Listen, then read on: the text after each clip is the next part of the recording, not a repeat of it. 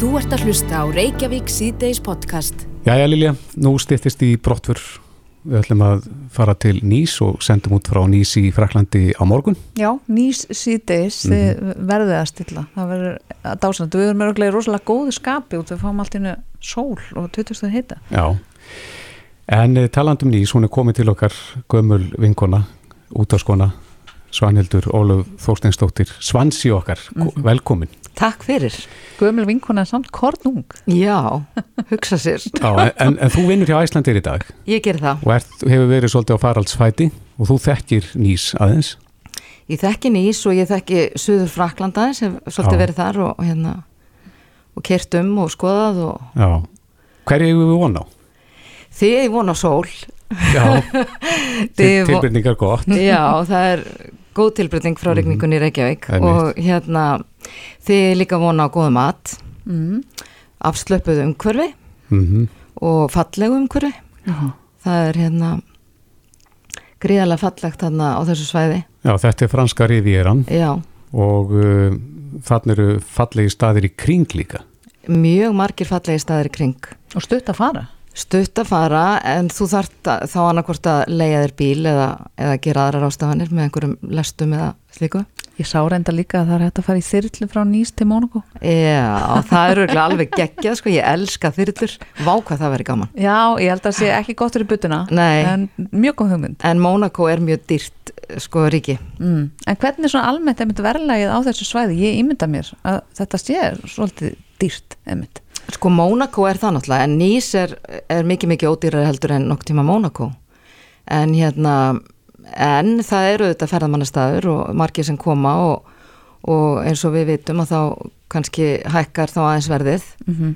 en þetta er ekkit þetta er ekkit hérna þetta er ekkit íslenskt verð. nei, nei, þetta er ekkit ógerlegt. En þegar þú ferð á svona kannski ferð á bíl og keira aðeins út fyrir að þá náttúrulega finnur aðeins mun mm -hmm þar sem að hérna færa fólk er og, eða færi ferðamenn. Mm -hmm. ferði í litlu þorpin og svona þá færi kannski kampaðinsglasið áttafurur í staðan fyrir 13-15 Já, já. Er nöðsynlegt að vera á bíli eða er hægt að fara með almenningssamgöngum hann á milli? Uh, ég, sko, ég hef sjálf alltaf verið á bíl mm -hmm.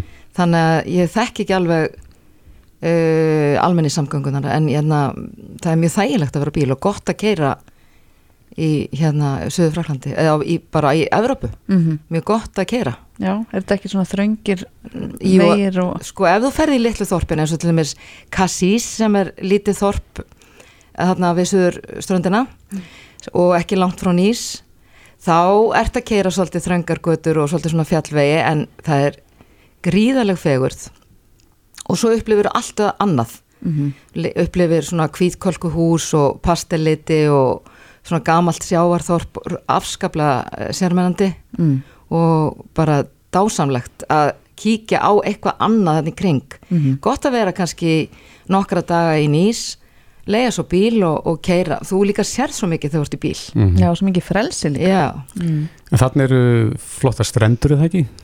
Þannig eru flottar strendur það eru reyndar í nýs, eru steinastrendur Já, hvað þýðir það? Það er uh, semst ekki, ekki sandur, sandur. Nei þá hérna, það er allt í læg mm -hmm. ég hef alveg verið við steinastrendur og sólamegg sko Ég, ég held að við Íslendingar uh, láti það ekkert stoppa okkur Nei, sko. það vart alltaf ekki með sand á milli tanna og út um allt og í öllum farangrinniðinum og svona mm -hmm. en þú getur líka farið til uh, Saint-Tropez þar er kvítströnd mm -hmm. ekki langt frá mhm. og hérna svo eru náttúrulega mikið að snekkjum ég sjá mikið að snekkjum hérna sérstaklega í Cannes, Saint-Tropez, jú líka í Nýs ríka fólkið og kannski þeir sem að uh, vilja líti út fyrir að vera ríkir mhm. leia sér snekkjur eru með þjóna og þetta, þetta er ro rosalega fallegt að ganga um og eftir sjónum og mm -hmm. með frá strandinni sko mm. Þannig að maður getur lifað lúksuslífi en maður getur líka bara verið almennu ferðarmæður já, já, já, þú getur það alveg mm -hmm. passa sig alltaf á túrista gildrónum, þær eru allstaðar Já En við höfum talað við þið áður svansi um uh, íbúðaskipti Já. Home Exchange sem að þú hefur nú stundað er, er eitthvað um svona íbúðir á þessu svæði?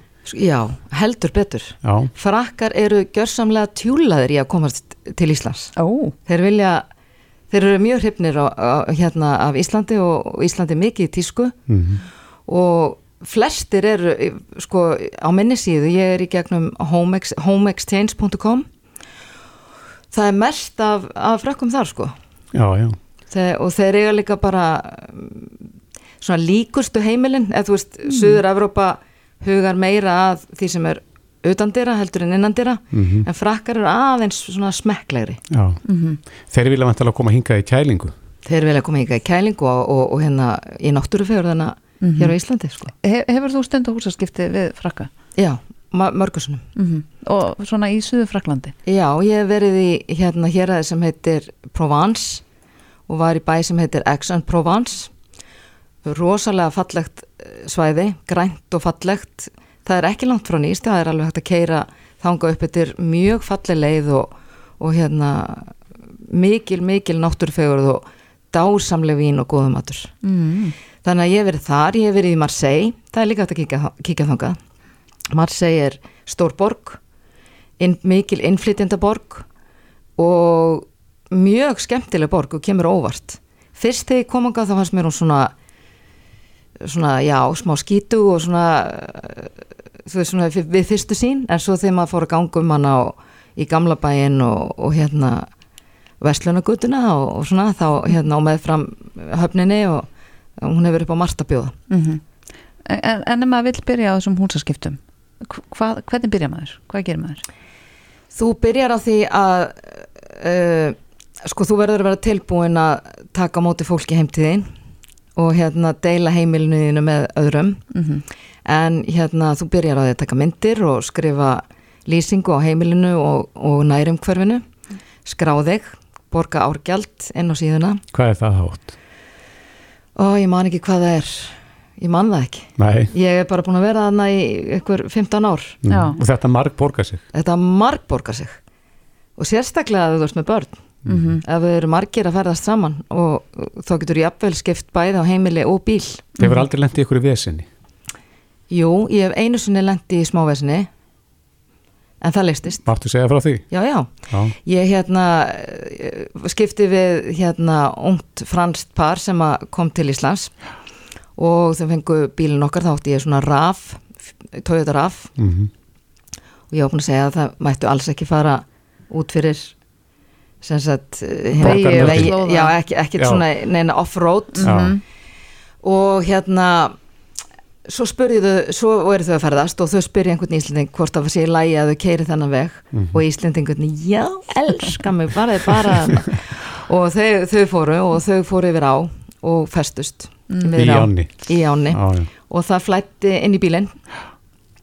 Og allt hörfi og hann, hjálparsettin kom og þú veist að aðstofa þau. Mhm. Hopp, hopp, hopp.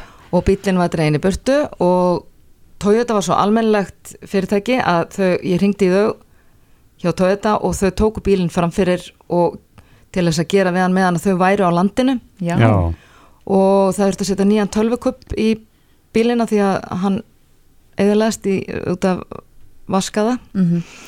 og hérna og þau greitur reikningin og ekkert mál. Var það háreikningur? já, það var þá, þetta eru mörg á síðan Já, eitthvað um örgulega 700.000 og þau vantalega miður sín? Algjörlega með þessin en þau eru búin að koma oft til Íslands eftir þetta. Og til þín þá? Nei, ekki til mín, Nei. en til fólk sem ég þekki.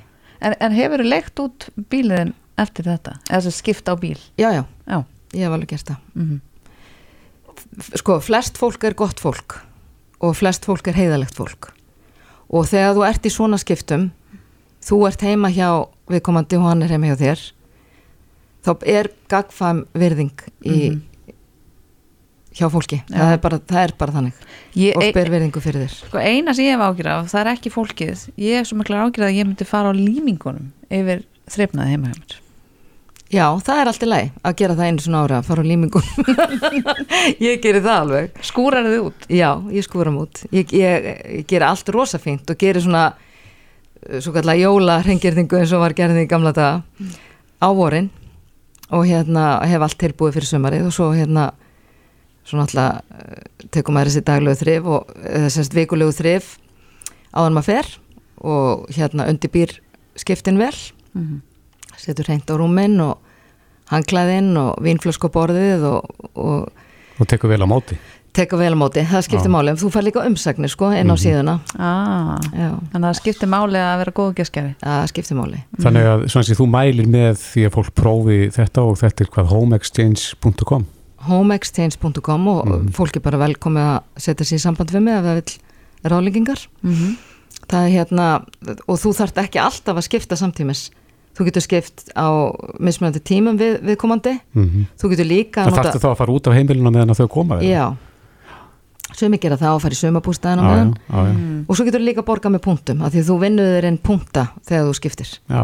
og það er gjaldmiðl Og þá þarf þetta ekki að skipta við einhvern? Nei, Já, þá ferð þú bara heim til og borga með punktum. og borga með punktum. Mhm. já, mm, þetta, er, þetta er sniðut Já, og ég bara er ennþá spenntari eftir þessa heimsók svansíðar að, að kíkja til nýs.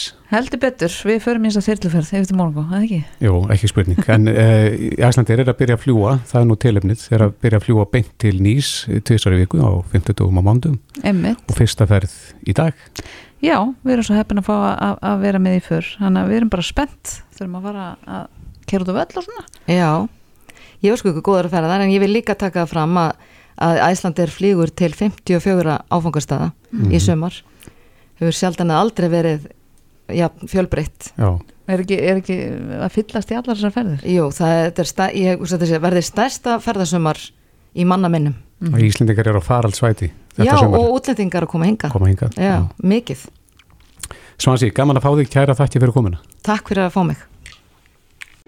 Þú ert að hlusta á Reykjavík C-Days podcast. Við höldum áfram í Reykjavík síðdeis og uh, það var kannski farið fram hjá neinum að nú reykir að hör kjara deila á milli BSB og, og sambands Íslandska sveitafélag eins og við rættum um í gær. Heldur betur og allt í nút Já og allavega miða við þau orð sem fjalli hér í þættinum í gær frá Ingrún Ólafsdóttur, sviðstjóra kjærasviðs hjá samband Íslandska sveitafélag mm -hmm. þá virðist þessi hnútur ekkert á leiðinni að leysast. Nei, en Sonja Ír Þorbergsdóttir formaður BSRB er komin til okkar, velkomin Takk fyrir. Já, allt í nút en þá og ekkert að þókast og, og ekkert verið búið til nýsfundar Nei, það er raunverulega sátt að semja að töldu að svona að niðurstaða síðustu funda væri þess eðlis að, að það þyrfti eitthvað að breytast til þess að væri kalla til nýs fundas. Hún sagði við okkur í gær formaður uh, samninganemdar sveitafélagana að ykkur hafi búið nýtt tilbúð. Er þau að líkið Nei, það tilbúið er raunverulega bara í, í samræmi við sé- eins og síðasta kjara samning eblingar og, og það sem að þau hafa líka búið það öðrum sem eru í, í sambarlegum stöðum og þessi kjaradeila hún snýst í grunninn um það að við viljum tryggja okkar félagsfólk standi í jafnfætis uh, öðrum hérna sem að þau vinna með inn á, á vinnustöðum sveitafélagana en að þetta er raunverulega bara einn stór jafnbreyttis krafa, hvort sem er innan vinnustöðana eða þvert á sveitafélaginu. Mm, hún sagði líka að já, sveitafélagin hafi komið ýmsar hugmyndir á borðið en, en lítið komið frá BSRB. Hvernig bregstu við því? Já, við erum auðvitað ekki sammála því. Eh, við erum kannski búin að sitja svona mjög först lengi vegna þessar umræð um það hvernig við getum bara komið okkar fólki jafnfætis á við fólk sem að starfa þeim við hlið af því það vantar upp árumulega launin hjá þeim. Við fengum ekki launahækkanir í janúar, februar og mars og þetta munar þá í 25% í launahækkunum áskrundulli fyrir okkar fólk en er 0,3% að hilda launakostnaði sveitafélaga. Þannig að það er svona þó nokkur aðstöðu munur þarna í þessu. En þetta er allt eftir, eða ekki ríkjandi samningi? samningi. Jú, það er rétt.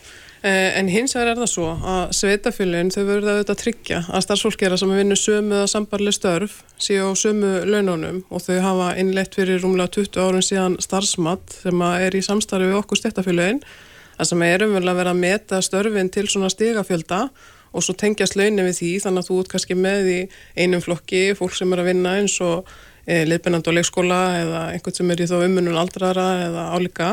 Og þá eru þau á sambarlegum kjörum og svo eru við líka sagt, markmið starfsmannsins er að tryggja þarna jöfnlaun og jöfnkjör þá óháð kyni og, og líka stjættafélagsaðild, það kemur sérstaklega fram. Og svo erum við skýra dómafrangand um það að það er ekki réttlætanlegt að, vísa til kjarasamnings um það að fólk sé á mismundu launum sem er að sinna jafnkrefjandi og jafnverðmættum störfum. Talandu um þetta, við skulum heyra þess brot úr hátegisfréttum í fyrradag, þar sem að Inga Rún Ólafsdóttir, sviðstjóri kjarasviðs hjá sambandi Íslenska sveitafélag, komaðins inn á þetta og heyrum aðeins það sem hún sagði þar. Þetta tilbúð hafi leiði á borði þeirra frá okkur í sex mánuði og þannig að það var uh, vissulega mikill erill hérna þetta síðasta kvöld þegar samninga voru undirritaðir en þetta var ekki nýtt tilbúð sem var að koma fram þetta kvöld.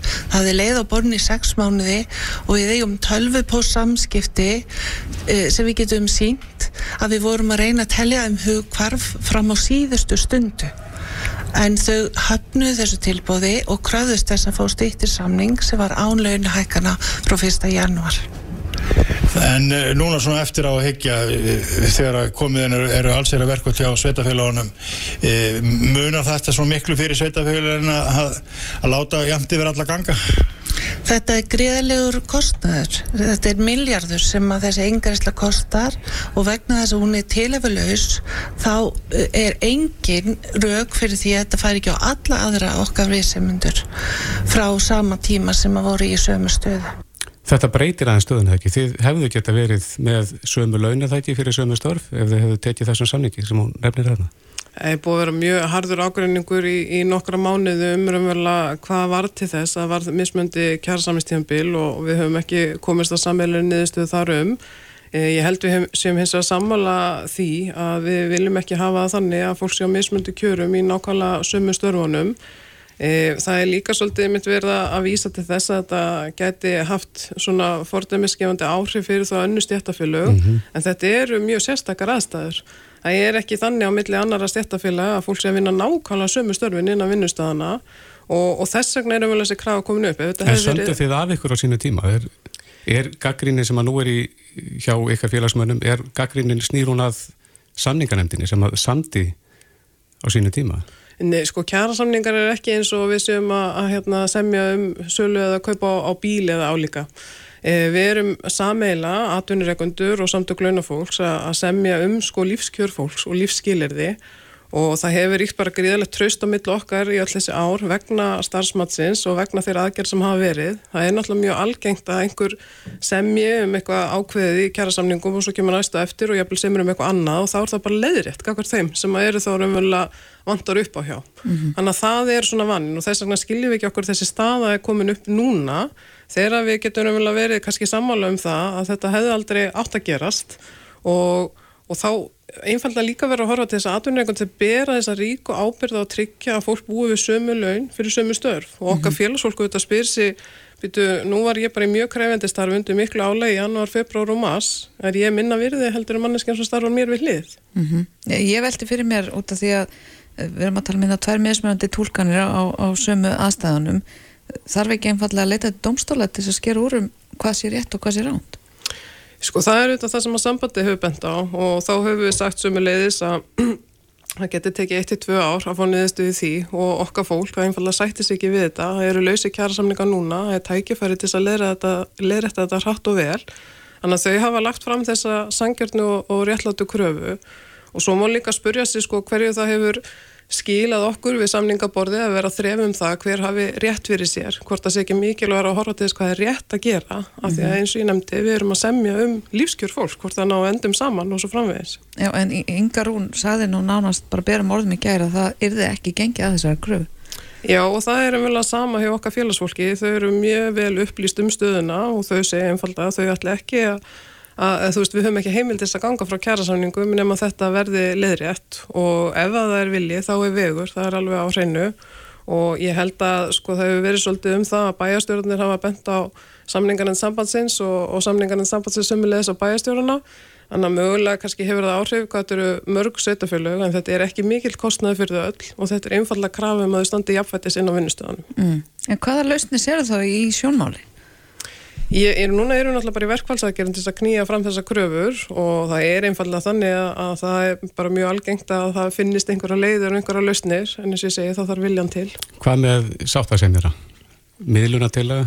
Það eru tvær sem eru með málið og sko miðluna til að er ekki löð fram nema að hafðu samræði við aðla mm. sem er þá með nokkus konar sátt. Það er meða við hvernig staðan er núna í þessum rempin hút er ekki alveg eðlegt að það komi þá einhver miljónu til að til að reyna að hökva á nútin? Hún þyrfti raunverulega að vera í samráði við báða aðilana, mm -hmm. þú veist, annars væri það ekki til þess að högva á hnútin heldur jafnvel bara til þess að gera stuðuna en það verri og ég skil, ég bara hugsa að það er metið að þannig sátt að semirarnir að það sé bara það langt á millokkar að það sé ekki tilumnitist að fara í miðlunatilu, það eru auðvitað ymsar aðra leiði færar fyrir þar til þess að reyna að færa okkur nær hvert öðru og, og ég veit að það er að vinna mjög hardt á því. Mm. En mér heyrist en svo að þetta getur orðið ansi löng verkvælsvinna.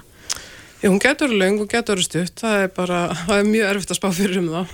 Mm. En svona almennt uh, varðandi laun og kjöra markaði, er ekki komið tími til að stokka þess upp uh, og reikna upp á nýtt? Hvers virði störfin eru?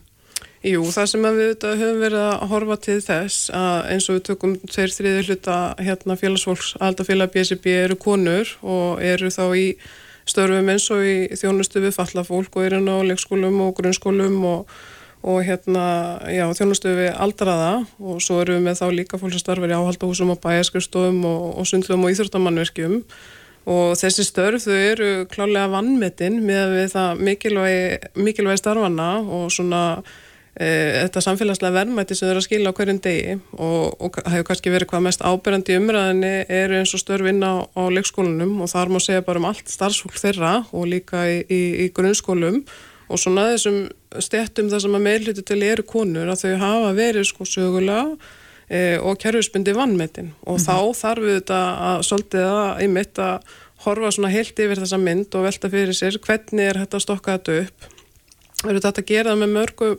margvíslegum hætti. E, það er hægt að gera það gegnum kjærasamninga eins og hefur verið gert á undanförnum árum en, en gengur alltaf hægt að, að mínum mati. En svo er segja sko fræðin að langbæsta leiðin til þess séu í gegnum svona að meta virði starfa. Sveitafélagin hafa e, innlegt það fyrir 20 árum en hins vegar að þegar það var innlegt á sínum tíma að þá var sett þak á hækkannar sem að þýður þetta að það vera að þrýsta niður laununum og þetta tekur líka bara til grunnlauna en mest í launamunurinn á milli kynjana hann byrtist einna helst í svona aukagreislum. Það er að segja að það þarf að horfa á heldalaunin til þess að við getum tryggt betur. En ertu samála því að það sé eitthvað til sem heitir eðlilegu launamunur þegar að allt er tekið í dæmið, eh, mentun og slikt? Já, að sjálfsögðu, ég menna þetta er líka bara mjög flókin umræða þegar svo er spurningin um mælistekuna, sko, hver á munurinn að vera og ég held að það sem við hórt á bara heilt yfir í sögunni að það er náttúrulega aðalatrið sem að við lögða áslá að fólki á læstu laununum þarf að geta að lifa mannsamandi lífi. Og þá er kannski þá frekar að horfa á bílið upp út frá því. En, en ég held að sko megin vandi sem stundur frammefyrir ef við viljum tryggja launægjabrætti kynjana og rannsóknir sína það að það er að endum þetta virði svo kallar að kvennast þetta. Það er að segja það sem að konur er miklu meiri hluta og það er ekki bara hér á Íslandi, heldur líka bara heimsvísu og við sjáum það líka að þetta eru störfin þar sem að skortir hvað mest fólk, það sem að mhm. fólk eru vel að bara kjósa með fótónum og það er dýrt fyrir samfélagi allt. En, en af hverju gengur það svona hægt, spyr maður sig? Það er að segja endur metta þessi kvennastörf?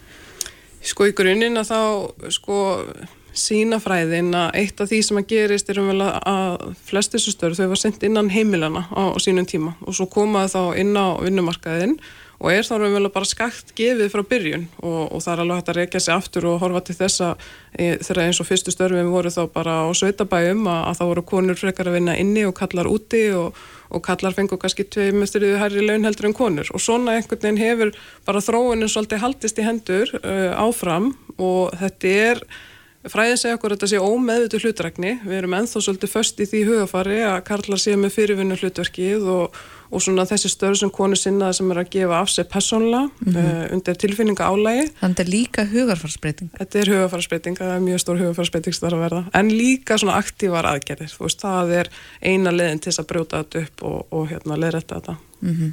uh, við hefum svo sem heyrt mikið í um, þeir hafa mætt á, á mótmálafundi hér og þar en hvernig er svona hljóðið í þínu félagsmun í þessum aðgjörnum?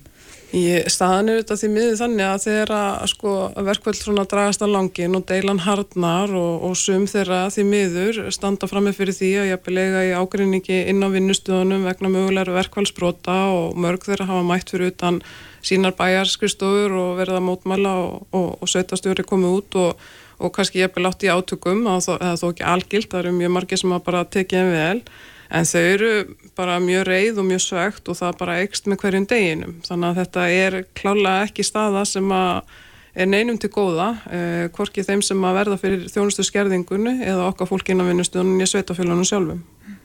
Mm -hmm. Já, við skulum vona það að þessi deila leysist sem fyrst. Það er öllum í hag. Sonja Ír Þorbergsdóttir, formaði BSRB. Kæra þakki fyrir komina. Takk fyrir. Þetta er Reykjavík C-Days podcast. Það er við alltum áfram í Reykjavík C-Days. Mm -hmm. Það er að stýttast í fréttu klukkan 5. Heldur betur, það er líka verið að stýttast í mjög áhugaverðan kvöldverð sem ég er að gauðin í á, á Facebook. Mm -hmm. Það er kvöldverð til styrtar krabbameinsrannsóknum á, á Monkeys, veitingasta hérna í miðbæri Reykjavíkur. Mm -hmm. Ég er alltaf svolítið skotin í því þegar einstaklingar taka sér til og útbúa einhverja viðbyrði til þess að sapna fyrir goða, goða málstað. Já, og þessi viðbyrður er slíkur. En heldur betur, það er Eithor Gilvason, maturislumadur, sem stendur fyrir þessum styrtar kvöldverði og hann er á línni. Góðan að blessa daginn, Eithor. Já, góðan daginn. Uh, hvað ert að fara að elda ofan í marga munna í, í núna hérna rétt og eftir?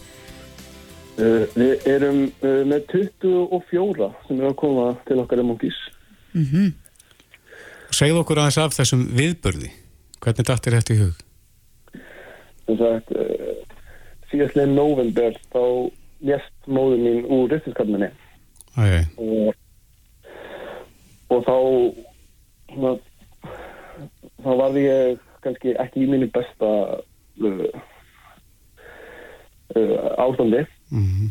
en í staðan fyrir að leggjast í ykkur hóli að ákvæði ég ekkert að frekar uh, nýta orkunum mína og gera eitthvað gott mm -hmm. og ákvæði að, leggja í þetta verkefni að sapna fyrir kapinársfélagið Og, og varst alltaf klára því hvernig þú ætlaði að gera það? Já, ég Ég, þetta var nú bara einn spurning til yfirkokksins og mungis um að ef það væri í lægi og hann sagði bara já. Já, það er ekki flókið. En hvernig setur þetta upp? Uh, já, það, uh, það er sjörétta máltíð sem að ég er að, sem ég er búin að hanna og uh, hún verður búin fram með þann hætti bara að fólk mætir, við gefum svona eitt rétt eftir hvort öðrum Mm -hmm. Og uh, já, síðan er ó, uh, óáfengt drikkjapörum sem að fer með þessu. Já. Því að uh, áfengi sjálft er karnarmeins valdandi. Mm -hmm. og við hugsaum að breyta þessi stíl og, og gera eitthvað öðruvísi. Já, það er skemmtilegt. Og, Já.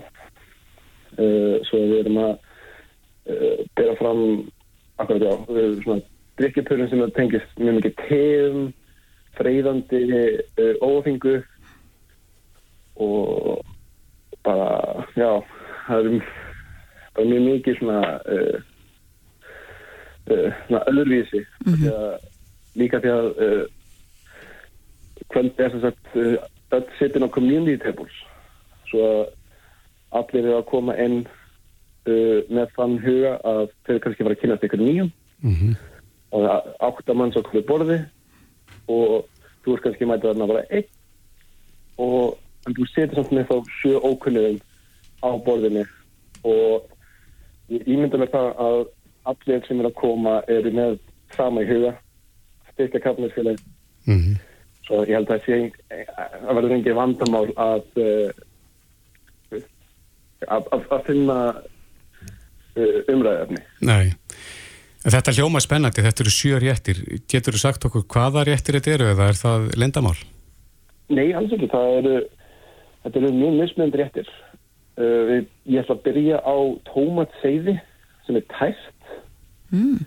með íslenskum tómatum og íslenskar steinsilju en uh, ég verð með dansdrúpið. Nó, já. En síðan fer ég yfir í grafin lags og og síðan verður uh, lampaindalæri uh, síðan kemur uh, karfi og gullbeður síðan kemur svínasíða og þar að leiðandi fyrir við í palandkranserinn sem verður bláber og fennell mm -hmm. og síðan kemur ógæða skemmtilegur basil og lime eftir réttur mm -hmm. og? Ég, ég, er bara svo forvitin að vita út af því að þetta er svo falleg hugsun á bakvið þetta uppátækið þitt. Sko hvort að um, matseðlinn sé að einhver leiti innblásin af móðun eða tengist henn á einhvern veg? Það, það eru uh, tveir réttir en það sem ég veit að hún smakkaði mm -hmm. og það ég var kannski ekki alveg komin á þann steg í fyrirlin að ég var mjög mikið að hanna að búa til þegar áður nú lést en ég veit að þessi tvei réttir eru verðandi akkurat í vist, með, með, henn, með hana í hugu mm, Má spyrja hvað réttir það eru? Það myndi vera uh, lamba innarleirið og, og, og, og karfin með guldöðurum mm -hmm. Þetta lítur að vera lítur að verða svolítið tilfinningaleg stund er ekki búið að brjálega að gera hefur það undirbúið þetta? Jú, svo sannlega þetta er þetta er það er mjög mikla tilfinningar að baka þetta en ég það er búið mjög mikið að gera svo ég er ekki alveg búin að leifa kannski tilfinningar um alveg að stýri þessu Nei. en við sjáum til hvað gerir til að bara rétta þetta Já, akkurat En þetta er sem sagt eh, styrtar kvöldverður þarna í, í, fyrir þá sem að koma staðin en, en er hægt að leggja þessari söfnum lið með öðrum hætti fyrir þá sem ekki koma stað?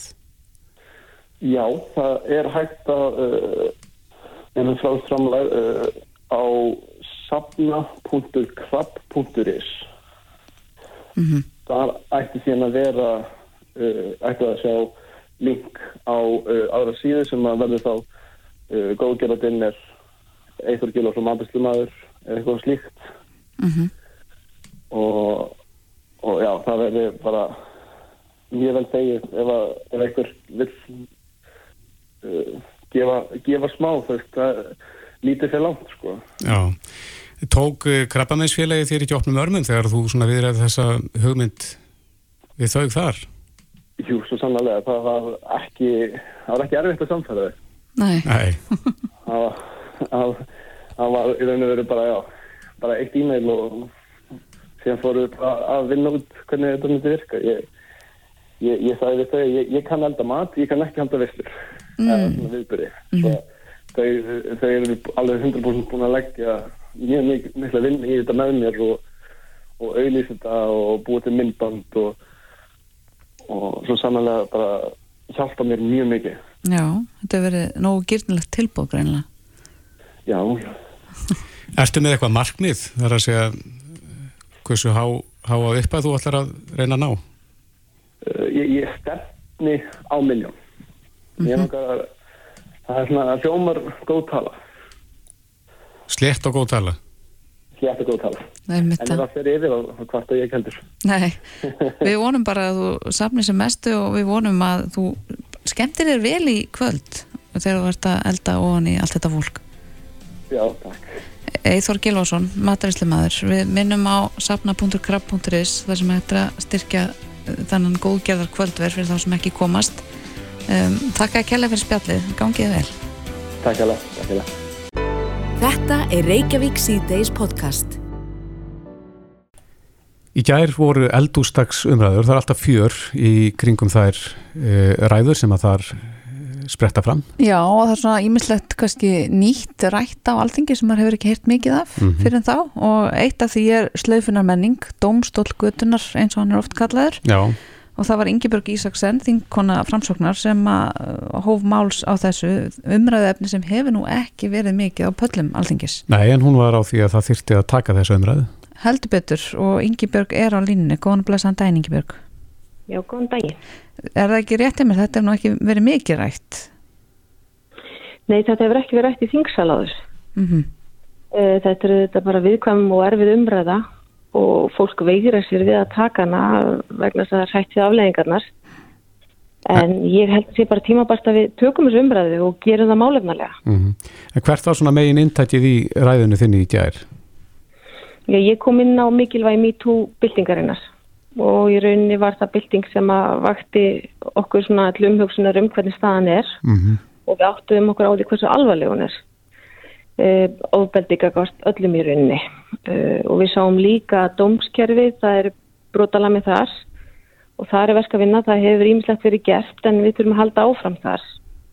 Málsmeðferðar tíma er til dæmis allt og langur Mm um, það sem ég kom líka inn á er gagvart tólendum að það er að vera mikilvægt að þeir hafi rödd og þeir hafi vettvang til þess að tjá sig. -hmm. og gera þeir meðal annars á samfélagsmiðlum. Og það, það er að vera mikilvægt því þeir gera það fyrir sig og líka til þess að vara aðra við. En hins vegar það sem gerist á samfélagsmiðlum er að uh, aðveið einstaklingar, hriði og jafnvel fjórði aðli taka málið í sínar hendur og jafnvel breyti sagan mann á milli Mm og þetta er þá algjörlega komið úr höndum þólandans og er engum til góðs, hvorki gott fyrir þólandan nýja myndan geranda. Þannig þetta er eitthvað sem við þurfum bara að ræða og það sem er líka alvarlegast á öllu er að börn og ungmennin okkar er að spekla þessa höfun.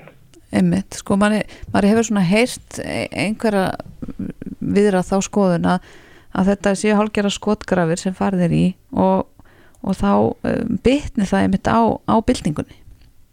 Já, til miður. Veist, þetta er vopp sem er svo afar mikilvægt fyrir þólendur en það er bara snúast í höndunum á okkur og um, þetta líka í rauninni grefi bara undan samkjönd og elur og óta. Fólk er smygt við að nálgast þessu umræðu og tekur þátt líka bara því að það vill ekki vera dæmt gerenda með þetta. Mm -hmm. En það er enginn samt sem áður þó maður sé að taka þessu umræðu þá erum við ekki að samþykja óbeldi. Þá aldrei að gera. Nei, en þú vilt svona takit úr höndum domstólsgötunar. Hver er þá leiðin út úr því? Ég til dæmis rætti við ólíka aðila, bæði utan og innan pólítikarinnar og rætti við fórsatsráð þeirra, barna og mentamálar á þeirra sem er með grunnskóla og framhalskóla Mm -hmm. og svo háskóla málar á þeirra líka og vinnumarkaðsráð þeirra. Þetta tengist líka vinnumarkaðnum. Og við ætlum að taka höndum saman og blása til fundar í haust. Þar sem við köllum alla aðila borðinu og það er verið að gera marga góða hluti á öllum stöðum í samfélaginu en við þurfum í raunin að taka höndum saman og vinna á þessu. Mm -hmm. En getur þið ímyndaður Ingeborg af hverju óskumpunum svona mikilvægur málflokkur og mikilvægt umræðefni hefur ekki verið rætt áður í þingsal alþingis? Já, fólk er sætt þessu umræði. Þetta er hórfín lína. Við þurfum auðvitað að sína þólendum skilning og þeir þurfum að hafa sinn vettfang þannig að fólk er smyktið það að vera dæmt. Mm. En þess vegna er svo mikilvægt að við tökum þetta á málefnarlegu nótum og fáum sérfræðinga og þá sem starfa á gólfunni í þessum málum til þess að tjá sig um þetta. Mm. Það eru margir og ég heyrði það í minni vinnu að við undirbúninga á þessa ræðu að sérstaklega kallmenn, jafnvel uh, doktorar og sérfræðingar í þessum málum þeir eru fannir að vegra sig við að taka hana. Mm -hmm. Því að þeim mæti svo mikil anstaða og þú veist þetta er ekki bara svart og hvitt. Þetta er mestmægnis grátt. Já. Va varst þú stressuð áður en þú stegst í pontu í gær? Ég var ekki stressuð í gær en ég var auðvitað búin að undirbúið þetta virkilega vel og þá voru margir búin að vara mig við því að taka þessu umræðu ég gæti orðið umdelt en eftir því sem ég heyrði í fleirum hvort sem það voru prestar eða aðri aðla sem vinna við þessi mál og sérstaklega í tengslu við ungmennin okkar þá fannst mér ég bara þurfa að taka umræðu Þú er ekki fengið já, þú er ekki fengið bátt fyrir eins og þú kannski hefur óttast? Ekki persónulega, nei. Nei. Uh, ég bjóst alveg við umdeldri umræðu, þetta er umdelt mál. En ég er að reyna að nálgast þetta þannig að við sínum öllum skilning. Mm -hmm. Að við erum líka með myndagerundur sem við viljum líka vinna með í framhaldinu og þeir eigi tækifæri. Og þessi mál eru eins og ólíkóður mörg. Mm -hmm. Já það er mikill sásöki og mikill skaði þarna úti sem ekki er hægt að bæta með, með neinu nema við náum að ég stýði einhvers skref fram á veginn. Það er nefnilega málið. Við þurfum að sína hvort það eru skilning og samkjönd og jafnvel líka stundum setja okkur í spór hvers annars Já, þannig að þú ert búin að koma málinu svona nokkur neginn í þinglegan feril með, með samtali við alla þess aðeila sem þú taldur upp á hann mm -hmm. og við ætlum að halda hana fund og svo verður vonandi áframhaldandi vinna. Nei með það. Já, við fáum að fylgjast með þessu. Ingeborg Ísaksen, þing kona framsóknar Takk kærlega fyrir spjallið og gangiði vel. Takk sem er leiðis Reykjavík síðdeis á Bilginni podcast Já, Reykjavík sýtis heldur áfram. Á morgun þá ætlum við að senda beint út frá Nýs í Fraklandi. Heldur betur. Æslandir flýgur fyrsta flugið í dag, þangað út. Já, ég var að kíkja á veðurspána og það er 20 stig pluss. Já, mm -hmm. eins og að vera. Emitt. En talandum eh, ferðalög og útlönd, hann er komið til okkar Björn Berg Gunnarsson, fjármálaráðgjafi, velkomin. Takk fyrir. Já, þú varst að skrifa greinin af Ísi.is, þar sem þú talar um verðbólgu varnir í útlöndum. Já. Þetta er mjög kynþokkafullu títil. Já, ég er svona einn af þeim sem bara þarf að næja mér að, að láta mig dreymum verið nýs stæðin fyrir að fá að fara á þanga en já, eh, ég, ég var að velta fyrir mér eh, sko hvernig við getum vegið svolítið upp á móti þeirri verðbólku sem teku við okkur þegar við erum farin út mm -hmm. vegna þess að nú er það svo sem ekkert nýjar fréttir að, að við höfum svolítið verið sér á báti varandi verðbólku við höfum vanist í að hér hefur verla hækka mjög hratt og örtanlega að túristar sem koma hingað kannski hafa komið annað slægið hafa mæntalega tekið mjög augljóslega eftir því mm -hmm. að í mhm. krónum talið er reikningurinn alltaf dýrar og dýrari mm -hmm. en við höfum kannski fundið minna fyrir því og okkar ferðalöfum til dæmis til Európu svona þess að við sælu ferðmannastæði það gæti verið að breyta svolítið núna og ég var að skoða það hvað við fórum til Spánar eða til Norðurlanda eða hvert að er til dæmis fyrir COVID og erum að fara að hanga aftur núna í fyrsta skipti þá getur nú bara verið að verðlagi sem kannski búið að hækku 15-20% í millitíðinni og það er heil mikið fyrir okkur á þeim tímum sem að við erum líka eigum kannski erfiðar með að leggja fyrir fyrir ferðalaginu vegna þess að reikningarnar okkar er að hækka líka hér mm -hmm. heima fyrir. Og þá fór ég með að skoða þetta, hvað er þá hægt að gera? Ég er ekki einhver trikk, er ekki eitthvað sem ég get gert til þess að, að ferðin verði þá bærilegri og, og, og dæmi gangi upp? Og það eru þetta ímislegt sem við getum fundið og þetta, þetta, þetta er kannski frekar hugsa svona til að koma fólki að stað því að svo þarf maður að máta þetta við sjálfansig en, en þetta leita nú að allt, allt saman í rauninni það sama sem er það að ef við undirbúum okkur, ef við, ef við byrjum að spá í þessu áðurum við förum út, þá mm. verður þetta svo miklu miklu ódýrar og þá er alveg hægt að finna einhverja peninga og, og, og það er að segja lækka reikningin svolítið án þess að það býti eitthvað að gera í ferðalæðið eitthvað leðilega. En, en mér langar að spyrja þig, hvað er það þá sérstaklega, sko, er það maturinn sem er orðin dýrari, er það hótel, er það bara allt, er bara allt orðin dýrara? Já, maturinn er nú hann vegur svolítið þungt. Mm. en jú, jú, það er nú bara allt saman og, og uh, það hefur uh, það hefur verið mjög mikla sviftingar til dæmis í Evrópu var hann til bara reynilega orkuverðið og, það, og, og þannig að þú ert að þú ert að lega húsnæði undir veitingastæðin og allt í innu kostar ferfalt meira að hitan og þá þarfst að velta þig út í verðlagi. Það, það er allt mögulegt, núna haf, hefur þessi verðbólka verið í dágóðan tíma á mörgum þessum þessara staða og þar hafa launin þurft að hækka og þá fer það inn í verðlagið á stöðunum sem við verslum við. Þannig að ég held að það sé mjög ólíklegt að með sömu neyslu séu við ekki að fara að sjá reikningin hækkatalsvert mm -hmm. og, og, og þá, eins og ég segir, þá er þetta spurning hvernig náum við niður í uh, niður í slett sko, uh, niður í það að þetta kosti það saman og síðast Þú ert með nokkra svona nokkra ráðlegningar Getur þú farið hans yfir þennan lista? Já, sko það sem ég nefndi varandi það að, að vera svolítið snemma í þessu það mm. er nú mhm. bara eitthvað til dæmis sem ég tæmi með sjálfur í gætum tíðina það, Eh, það sem kostar kannski mikið flug og hótel til dæmis, þetta tvent eh, ég held að það séu nú mjög margi sem eru svolítið duglegi varðandi þetta varðandi flug til dæmis að vera á postlistum hjá flugfélagunum og góma tilbúin þegar þau koma hugsa svolítið út í hvernig við pökkum og svona hvað hendar og, og að, að flugmiðin sé ódýrastur, velja kannski flugdagsittninganar út frá því hvað er ódýrast, hvernig þessu púsla saman. Mm en varandi bókarnir á hótelum úti þá er þetta að gera til til að svipa, það er auðvitað mjög gott að skrá sig á postlista og stórum keðjum, ef við erum búin að ákveða hvar við ætlum að gista, þá förum við á netið og við leitum að ódýrastu mögulegu gistinga því að við vitum ekki alveg í gegnum hvaða síðu við þurfum þá að fara. Mm og það sem ég gerir, ég kannski stiga einu lengur, lengra og ég er búin að finna ódýrastu leðina í gegnum einhverja miðlun svo hef ég beint samband við hótelið mm -hmm. og segir ekki ódýrar að bara ég bók þetta strax hjá ykkur. Og getið ekki gert eitthvað fyrir mig? Og oft er eitthvað þetta er bara, maður og mann virkar oft mjög mm -hmm. vel að tala við, tala við fólk. Uh, hvað með það að, að uh, hugsa svolítið út í ferðmanna tímabilin á þessum stöðum? Hvenar er almennt verðlag ódýrara? Hvað með matin, ég hugsa svolítið mikið um hann, ég hugsa bara almennt mikið um matin þá er ég að hugsa um það til dæmis að uh, borða stórumáltíðin í hádeginu í staði fyrir kvöldið þekkja það mörg sem við farið út að borða sem við löndum það sem bara allt, allt annar matsíl í hátteginu mm -hmm. það getur jætnvel verið sko, sama máltíðin en allt annar verðlag. Mm -hmm. það er eitt að prófa gödubita þarf, maður þarf ekki alltaf að fara eitthvað fínt út að borða og, og, og sprengja sig og bara þurfa að leggja sig strax eftir það. Kannski er ágætt að spara aðeins í þessu. Og svo er nú það sem ég er mjög hrifin að bara borða það sem heimamenn borða að, að, að, að leita upp í upplýsingar um það á vefnum. Hvað er það sem heimamennu finnst skemmtilegt og gott og hvað er vinsælt núna og hvað færðu fersk kráöfni, hvað er í sísón mm -hmm. hvað, hvað er núna verið að veiða eða týna trjánum og hvað er gott? Og þetta er allt skemmtilegt. Þetta gerir matum betri og skemmtilegri en ódýrar á sama tíma. Að, en þetta krefst þessara fyrirhyggju að, að byrja að spá í þessu fyrirfram og með því að bóka svona laði fyrirfram þá erum við líka ná að halda fjárraksáallun ef við höfum sett okkur einhverja slíka áallun og við erum ekki að taka skyndi ákvarðinu sem getur verið mjög dýrar. Mm -hmm. Ég ætlaði að mynda að spyrja það út í svona fjárraksáallun sem mér hugnast ekkit sérstaklega þegar ég að fara til útlanda en mér finnst líklegt að það sé frekar sniðugt að búa sér allan til einhvern ramma. Já, og hann þarf ekkit endilega að vera auðvitað um alla ferðina. En þú getur til dæmis bara ákveði, heyrðu það getur vel verið að ég ætla að kaupa mér einhver föt eða einhverja gafiranda bönnum eða eitthvað. En ég ætla bara ekki að eða meira en þessu.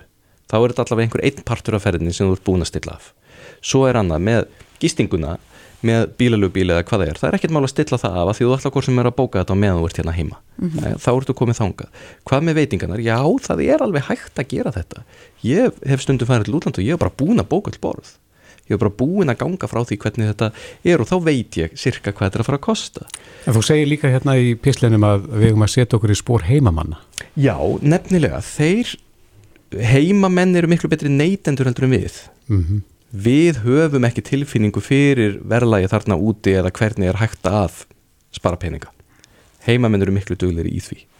Og þá stundum hefur maður og því hefur örgulega lendið sem maður er einhver staðar komin til útlanda og ástæðin fyrir að maður er í útlandum er að maður ætlar ekki að vera bara yngungu innan um e, túrsta mm -hmm. maður ætlar að vera innan um heimamenn og á einhverju stöðum. Svo lítum maður í kringu sig og það er ekki einasti innfætur á staðnum. Nei. þetta eru allt sama ferðamenn. Maður heyri bara íslensku öllum búðum. Já, nákvæmlega, og mhm. veitingastæðin er kannski þannig. Og þá hefur maður stundum hugsað hvar er þetta fólk að borða?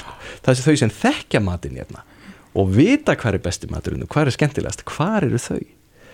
Þa, það er það er miklu skemmtilegra. Þannig að færiðu miklu betri og skemmtilegri máltíð það hefur stundum verið talað um það sko reyndu að tala svolítið tungumálið eins og það er þarna og byttu þjónunum að ákveða eða hvað það er. Mm -hmm þetta er fyrir skemmtilega upplifun og mm -hmm. ódýrari. Og eitt af því sem maður getur verið alveg frábært sem maður heima með leita í er morgumaturinn og ég tala um það líka, ekki panta morgumat á hótelinu.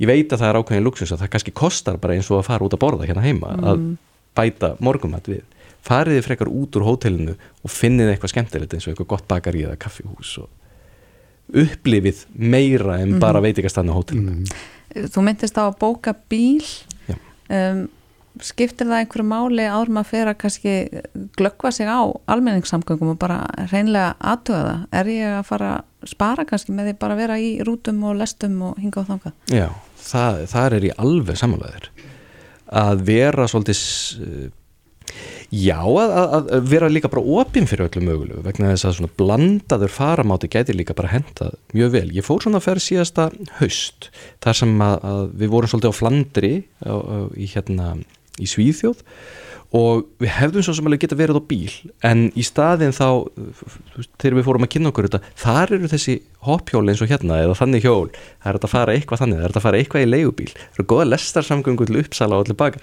Þannig að, að, að skoða þetta ánærum við förum út og púsla saman, þetta er miklu miklu ódýrar og allt annað pakki og í rauninni bara miklu hendura mm -hmm. því mörgum stórum borgum þá ertu bara fyrir á bíl og ertu bara að finna þér eitthvað stæði og, og það er bara bölva vesen en þetta er erfitt að gera þegar við erum komin út mm. Mm. og við gætum stundum ég er ekki að segja að það sé verið að svindla á okkur en við gætum stundum verið að borga allt og mikið fyrir til dæmis að koma okkur af flugvellinum og á hótelið mm. Endum þetta hérna á greiðslu leiðum hvaða greiðslu leið er henda? Þú ferðan sér við það í pislinum Já, það er nú uh, auðvitað þegar við erum að tala um að, að takmarka neyslun okkar þá er nú svona uh, gömul góður regla um það að vera með reyðu fyrir og skamta sér í umslagjatvel og mm. svo ertu bara búin með þú, þú finnur miklu meira fyrir því þegar þú búið með það sem þú mátt eiga þann daginn en, en á ferðalögum elendis að þá getur verið uh, ég eiginlega bara hálf hættulegt að vera með mikið reyðu fyrir maður vil kannski ekki vera mikið þannig en, en ef þið ætlaði að gera það þá er kannski ágætt að verða sér út um það reyðu fyrir hérna heima mm -hmm. vegna þess að fjölförnum ferðamannastöðum mörgum borgum er gengið og kostnaður við það að fara ekki ennum hraðbanka algjörlega bara óreitlætalegur það, það er allt og allt og allt og dýrt. Nú, við þurfum að passa okkur á hraðbönkum Mhm. úti og, og fara mjög valega þar og kannski taka með okkur það sem við þurfum eða fara þá í hraðbankan sem við vitum að er ekkert svínar í. En svo borgum við með greiðslukorti og þá er nú varandi öryggi er oft talað um að borga með uh, síma eða úri. Það er þá erfiðar að, að ræna okkur stafrænt en síðan að nota til dæmis uh, kreditkortin eða, eða kort almennt þar sem er ekki færslugjöld greitt Eh, því á sumum gjöldum að þá ert að borga fyrir hverja færslu og þú ert kannski bara búinn að klára fyrir færslunar fyrstu vikuna í mánuðunum og þá geta færslugjöldin fara að telja svolítið því við erum svolítið ofta að taka upp korti þegar við erum úti. Og þá getur verið hendur að vera með kreditkort. Sömuleiðis getur því eða, eða greiðslukort sem innheimtir ekki færslugjöld. En svo getur líka fyllt slíkum kortum einhver trygging þú kaupir flugmiðan eða bíllegubílin eða hvað það er með korti og með því að nota það korti viðskiptundum getur fyllt einhver ákveðin ferðatrygging Mhm. þessin er ágætt áður við förum út að fletta upp þeim tryggingum sem fylgja greiðslukortinu okkar og nota þá kannski það kort Ég held hreinlega þú ætti bara að vera með námskeið um hvernig við eigum að fara til útlanda. ég, ég hef allan tilfinninguna við séum kannski svolítið svona spontant þjóð. Ég held að við séum búin að tella okkur svolítið trúum og ég held að það sé óþarfi að, það, að þetta gerir ferðina leðilegri. Ég er ekkert viss um það að hafa undirbúin, mér finnst ekkert leiðilegt að sitja með tölvuna upp í sófa og vera að láta mig dreymingi sem komin út og vera undirbúið ferðala, mér finnst það bara skemmtilegt. Sjá fyrir að finna aðeins bræðið að matselinu sem er að skoða þarna og bóka og spara smá peninga í leini, þá get ég bara að fara oftar. það er bara miklu skemmtilegra. Ljómandi fín ráð fyrir betur. ferðananga. Björn Berg Gunnarsson, fjármálaráðgjafi. Kæra þakki fyrir komuna. Takk svo. Reykjavík síðdeis á Bilginni podcast. Já, það er votviðri í höfuborgin í dag og eh, við höfum brúð okkur á bæ eins og við gerum við sem erum á puttanum svona endurum á sinnum í, í þessum dagskráðið bylgjunar og búið er að kynna rækilega en, en það er engum vafa undirorpið að eins og maðurinn sagði hér eh, sem ég hitti bara hérna fyrir stöttri stundu. Eh, þetta er búið að vera. Gatnakerfið í Reykjavík það er sprungið. Og það er, má til sannsög að færa að þegar maður keirir í, í austur átt síðdegis á virkum degi þá, er, þá eru vinnandi hendur konar á stýrið og, og aga til sín seima í útkverfi eða, eða eitthvað annað á Suðurlandið eða Reykjanesið eða Akranes, jafnvel Borganes þetta er orðið e, miðdebild mjög stórs vinnusvæðis. En eh, og ástundum sýnist manni sko og maður spyr sjálfan sig eh, hvernig, hvernig getur þetta gengið? Eða þetta gengur ekki að manni finnst. Við erum hérna með Ólaf Guðmundsson umferðar sérfræðing fyrir um borgarfulltrúa og hann hefur svo sem komið við sögu í, í eh, umferðarmálum í þessum þætti og það fyrir á tíð uh, Ólafur, er, er þessi þetta sem við köllum gatnakerfi höfuborgarinnar eh, svo gott sem sprungið? Það þarf ekki að vera sprungið en það er sprungið eins og staðin er í dag vegna þess að, hérna, að umferðarstýringin er langt frá því að vera það sem hún gæti verið og ef maður bara horfir á miklubröndina þá er hún sennilega í kringum 50% afkastagetu út af ljósunum hún var hönnuð með mislægum gattamótum í upphafi og það var alltaf meiningin. Og það er 75 ár síðan hún var sett í, í, í þann farveg en þetta hefur bara aldrei verið klárað og það er kannski stóra málið í samgöngumálum ekki bara höfuborgsvæðinsins heldur líka bara landsins alls að við erum alltaf með þetta hálfklárað Reykjanesbrutin er hálfklárað, Vesturlandsvegurinn er hálfkláraður það er ennþá verið að vatast í Su Suðurlandsveginum. Þannig að við klárum þetta aldrei. Það er kannski stóra vandamáli vegna þess að út frá plássi og, og afkastagetu þá gætu þessir vegir verið að afkasta miklu miklu meira. En það, þetta er bara aldrei klárað. Þú ert ekki hættur að skipta þér að þessu, er það? Nei, nei, nei, nei, nei, ég er alltaf að rífa kæft út af þessu. Og hérna svo er að menna að tala um alls konar hluti eins og sundabraut, en hún kemur held ég aldrei, það búið að koma í vekk fyrir það af hendi Reykjavík og borgar að, að sundabraut verði nokkuð tíma lögð. Af hverju? Vegna þess að það er búið að þrengja aðinni, það er búið að taka alla bestu kostina út úr myndinni, það er búið að þrengja aðinni hérna upp í Gufunesi, það er, e, það er engin von til þess að við förum að byggja einhverja hábrú held ég, það er allt og stórt mannmerki, við höfum ekki peningi í það, jargöng, því síður þá þurfum að fara í gegnum hérna gamla eldstöð og það er enginn að fara að byggja jargöngu í gegnum gamla eldstöð. Þannig að hérna eh, ég held að við verðum bara að horfa á það að við þurfum að endur lífka Vesturlandsvegin með því að taka ringtorkin og setja það í mislagt. Það er það sem að geti bjarga okkur uh, næ, næstu áratugina eða ef ekki áhrundruðin sem við vitum náttúrulega ennþá ekki alveg hvernig umferð þróast með ný, ný, nýr, nýri tækni og öðru slíku. Þannig að við þurfum að horfa á þetta svolítið raunsætt og bara opna kassan upp á nýtt. Við verðum að láta umferðina ganga. Það er það sem þetta snýst um að láta hann ekki vera stopp í einhverjum teppum út af engu.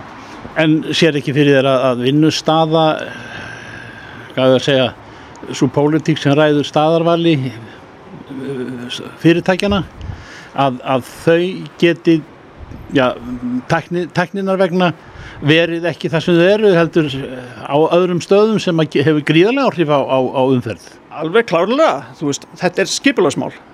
Fyrst og fremst, skipulagsmál upp á það hvernig íbúabyggð er hvar hérna atvinnusvæðin eru Já. og annað slíkt. Þannig að hérna að, þetta, er, þetta er að stórum hluta skipulagsmál, alveg klárlega.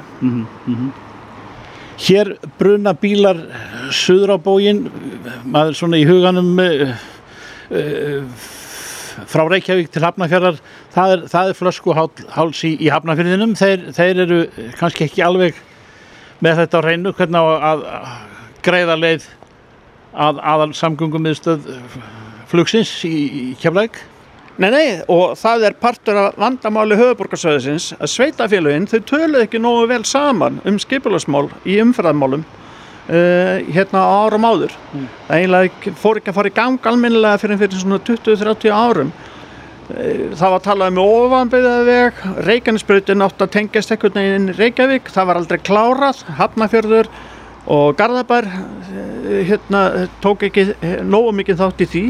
Ofanbyggðuvegur, Kópóur er búin að koma í veg fyrir hann með byggðin uppi við Vassenda þannig að eina sem við eigum eiginlega eftir er að klára Arnanesvegin uh, inn á Breiðhólsbrutina og uh, framhjá Garðabæ. Uh, fyrir ofan hérna Garðabæ þar sem við kollum yfir hérna flóttamannalið Hafnafjörður er búin að gera það sín megin frá Garðabær er ekki búin að gera það Kópóur er núna að undirbúa það að klára Arnanesvegin upp á Breiðhólsbrut Það er eiginlega eina lustin sem ég sé á því að, að við gerum eitthvað með það að koma umferðinni frá því að vera alltaf að þvælast inn í miðbæinn og inn á Reykjanesbrutina og Hafnafjörðaveg með því að klára uh, hérna, Allanisvegin þarna fyrir ofan.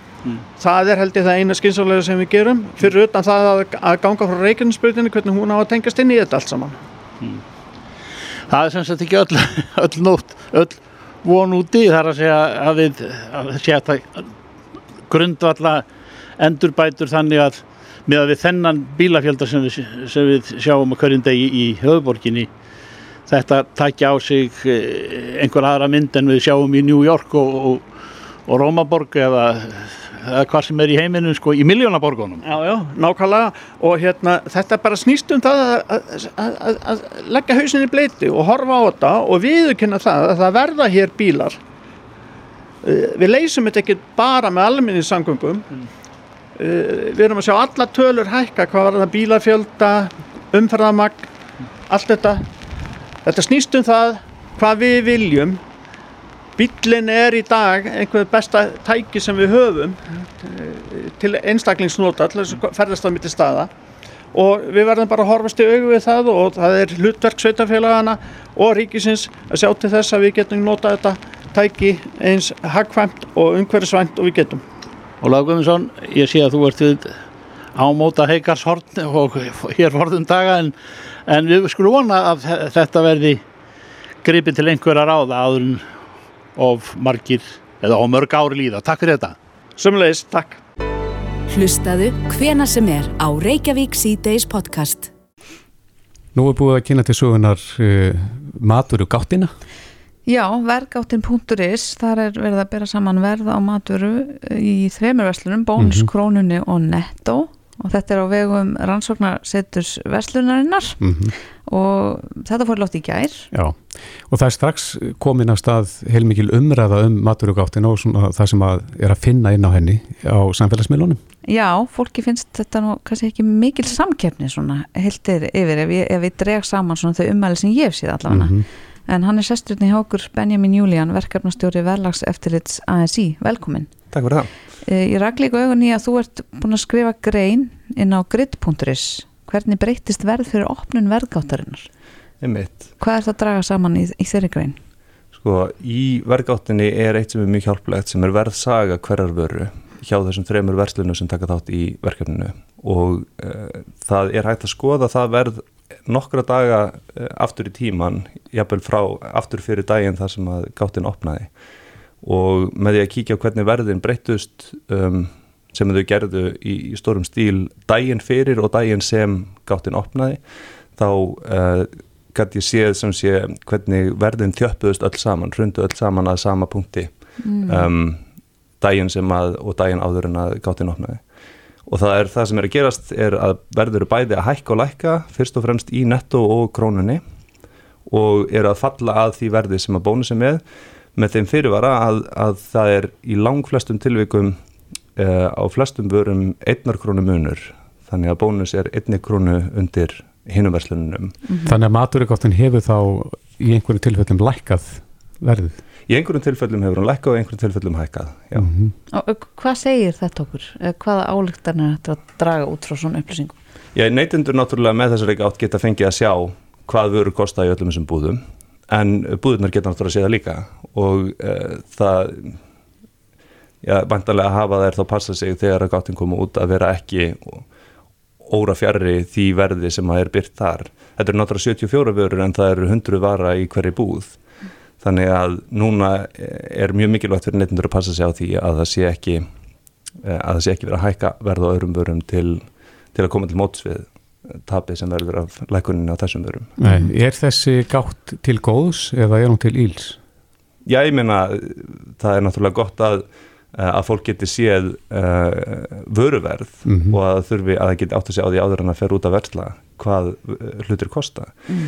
En það þarf, það þarf samt að passa sig að hérna, bæði er þetta mjög lítið úrval og ef fólk notar þess að gátt ekki mikið, eitthvað sem samkefnis eftirlitið hefur bent á er ef neytundur nota þetta minna en búðirnar, þá eru náttúrulega búðirnar þarna með gott tæki til að uh, stilla af sínverð Mhm. og þá er bara mjög mikilvægt að fólk fylgist vel með annars vegar bara verðina á þeim vörum sem þau eru að kaupa sem eru ekki á þessum lista og hins vegar að þau, að þau hafi auga með verðlas eftirliti ASI sem er með blindavörukönnun þannig að það er ekki gefið út fyrirfram hvaða vörur eru prófar og hvenar Mhm. og þá er í rauninni stikkpröfu uh, stikkpröfur á verði í verslunum og verðsamanburinn þar kannski á heldina litið um, sangjarnari heldur en uh, uh, gáttinn. Þannig að í verðgáttinni fá verslun, verslunni þá sem sagt fyrirvar Gáttin var kynnt með þessum vörum og að því best veit þá er þetta vöruna sem munu verða í henni og það sem samkjöfniseftir benti á er að, hérna, uh, að ef að, það er, ef að það er engin reyfing á þessum vörum og ef að, ef að það er ekki eins og, eins og ég segi með verðlagseftirliti þar sem að við ákveðum einhliða hvaða vöru við setjum í listan þá, þá fáum við þá, þá fá verslannar ekki fyrirvara til þess að uh, hliðra þeim verðum áður en að þeir eru, þeir eru prófaðar Mm. Er, er þeirra fáar þessar vöru hann inni? Það er 74, já. Það er, ég menna þetta eru stóðvörur, stóðvörurna sem fólk kaupir. Það er mjög mikilvægt að fólk viti hvað þessar vörur kosta. Og mikilvægt að bera sama sömu vörur eða ekki? Jú, að sjálfsögðu. Og það er það, hérna, það sem að verslannar gera er að tengja uh, þetta, er, þetta er þá hlutir eins og nýmjörg og smörfi og eitthvað Mhm. svona stóðvörur, stóðvörur heimilisins, náttúrulega. En það sem virðist fara mest fyrir brjóstu af fólki svona með að skanna samfélagsmiðluna er með þessi einnar krónu verðmunur og svo staðreinda og milli þessar þryggja ver verslana þá er óbúslega lítill sparnaði til dæmis á matarkörfu. Það skiptir í rauninni mjög litli máli hvert maður fyrir að versla. Nei, mitt, og þess vegna þarf að aðtuga hvað, hérna, hvað hinarvörurnar kosta sem að maður myndi ekki vera að kaupa með þessu og þetta er ekki vandamál sem tengist uh, vergáttinni, þetta er bara vandamál sem tengist fákjefni á, á matverumarkaði. Það er, þessi einnakrónu verðmunur er, er eitthvað sem að verðlagseftirliti hefur bent á að trekki trekki í fyrir skoðanakonunum, eða í fyrir verðkonunum líka og uh, það er náttúrulega ekki, ekki merki um samkeppni ef að það er krónu munur systematist á, á vörum. Það er, það er bara merki um fákeppni. En er ekki eðlilegt að menn eldi lagsta verðið? Það væri vill að fólk myndi hæstur? keppa um að vera með lægsta verði ekki að, ekki að halda sér rétt fyrir ofan það. Það er, það er í, í rauninni það, þetta, er, þetta er í rauninni ekki samkeppni samkeppni og barátt að þetta er bara sinfonía þar sem að er, er koordinæra verlag hvort það sé gert meðvitað eða ekki veit ég ekki í, í, hérna, það, en það er þetta er svo, þetta er svo gegnum gangandi að það er ljóst að, að þetta er ekki tilviljun Er, er að ætlast til þess að eitthvað sé mun herri en sá lægsti? Já, í samkeppnismarkaði þá myndum maður bara vilja að fólk væri að keppast um að vera með lágt vöruverð Já.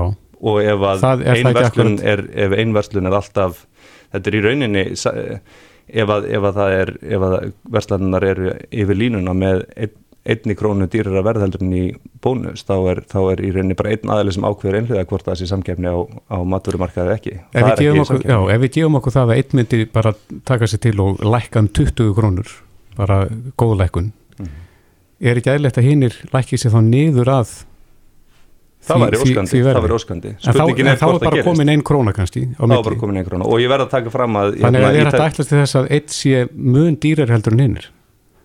Nei, ég meina það er tilfelli að, að verslanir eru mjög misdýrar og mismandi vörum og verði sem þau fá frá byrgjum og allt það, Mhm. það er náttúrulega ólíkt líka en, uh, en það er ekki bara til lækunar sem að, sem að þessar breytingar eiga sér stað þær, þær eru náttúrulega, það er eins og verslanir sé að passa sig að vera ekki, eh, vera ekki að koma sér ekki óvart í samkefni mm. En, en, þá verðist þetta vera farið að snúast meira um að elda hvor aðra heldur en beinleinis að takin vöru meta hver sangjörn álægning er og, Já, Mm.